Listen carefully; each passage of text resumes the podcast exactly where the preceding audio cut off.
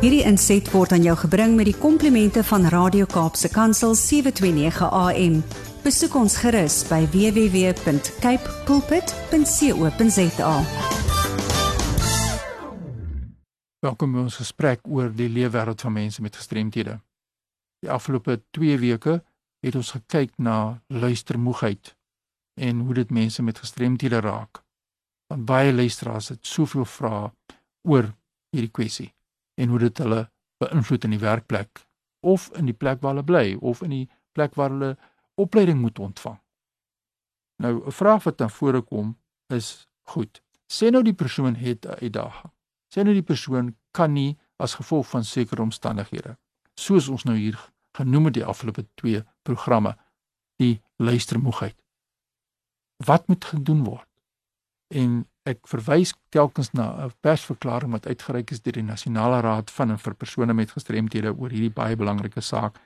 En die Nasionale Raad sê en ek haal aan there are strategies to make your daily activities easier to manage the challenges in line with reasonable accommodation principles.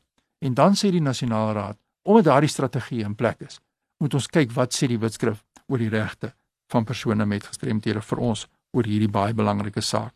En dit is in terme van die persoon se uitdagings oor redelike akkommodasie. Nou redelike akkommodasie is 'n baie belangrike konsep om te verstaan. Redelike akkommodasie beteken die aanpassings wat in die werkplek gemaak kan word ten opsigte van die persoon se hantering van sy werk. Nou dit is redelik van aard. Nou redelike akkommodasie is nie iets wat afgedwing kan word nie.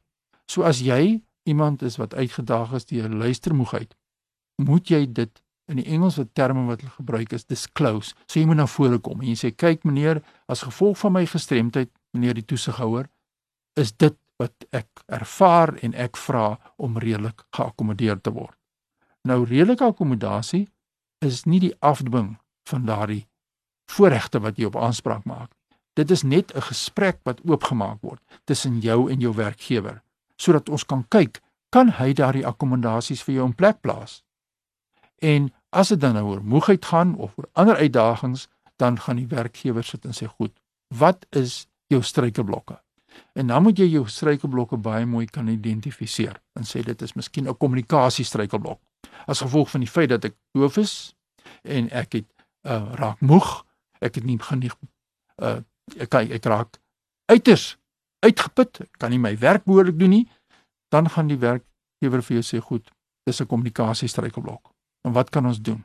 En dan is daar vier sake wat baie belangrik is wat julle in ons luisteraars en almal moet van kennis neem. En die eerste is daar's vier aspekte. Die een is daar kan aanpassings gemaak word. 'n Klein aanpassing in 'n lokaal. 'n Klein aanpassing in die uh die raadsaal van die maatskappy waar jy werksaam is in terme van jou gestremdheid om jou meer toeganklik te kan gee en om jou meer toegang te kan bied tot daad wat daar aangaan. Sien ons 'n opleidingssessie en jy is iemand wat in 'n rolstoel is, maar die opleidingssessie vind plaas in 'n plek wat jy nie kan bereik as gevolg van jou rolstoel en is nie toeganklik nie.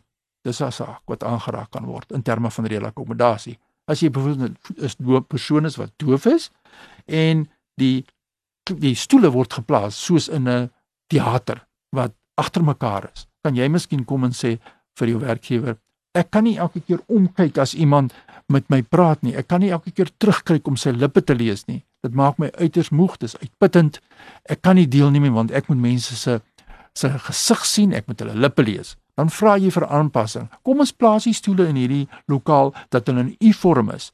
Dan kan ons mos almal vir mekaar sien. Dit is goeie kommunikasie en dit is nie so uitputtend vir my nie en dan sal die werkgewer voel vir jou sê goed, ek dink dis 'n redelike versoek. Ek dink ek kan dit doen of nee, ek kan dit nie doen nie, dit is te duur en dan moet jy begin onderhandel. So die eerste saak is mens aanpassings vra. Dan die tweede saak is 'n mens kan miskien verskillende toerusting wat 'n mens kan vra wat jou ondersteun, wat dit makliker vir jou maak. Dan gaan miskien tegnologie wat dit makliker vir jou gemaak. Blinde mense het sekere tegnologie nodig om as vorm van 'n redelike akkommodasie dit makliker te maak vir hulle om inligting te kan bekom. So daar's tegnologie en daar's verskillende toerusting wat geïnstalleer kan word. As jy 'n doewe persoon is byvoorbeeld en daar is nie 'n lusstelsel in die lesinglokaal nie, moet jy baie hard konsentreer om te kan hoor. As die lusstelsel is 'n lus wat gespan word in die lokaal, dit indiseer die klank direk in jou gehoorapparaat en wat gebeur? Jy sit ontspanne en jy luister. Dit is forme van redelike akkommodasie. So maar 'n belangrike punt om vandag se gesprek af te sluit is dit is nie verplig. Dit is 'n onderhandelingsproses. Jy kan nie sommer net alles kry wat jy vra nie. Dit moet onderhandel word met jou werkgewer. Indien jy twyfel oor wat is die proses van redelike akkommodasie, stuur die e-pos sommer nou aan my by fani.dt by mweb.co.za. Ek sal vir jou die korrekte inligting stuur hoe jy met jou werkgewer as 'n persoon met 'n gestremdheid kan onderhandel vir redelike akkommodasie. My e-pos net weer fani.dt by mweb.co.za. Tot volgende keer groetnis. Hierdie inset was aan jou gebring met die komplimente van Radio Kaapse Kansel 729 AM. Besoek ons gerus by www.cape pulpit.co.za.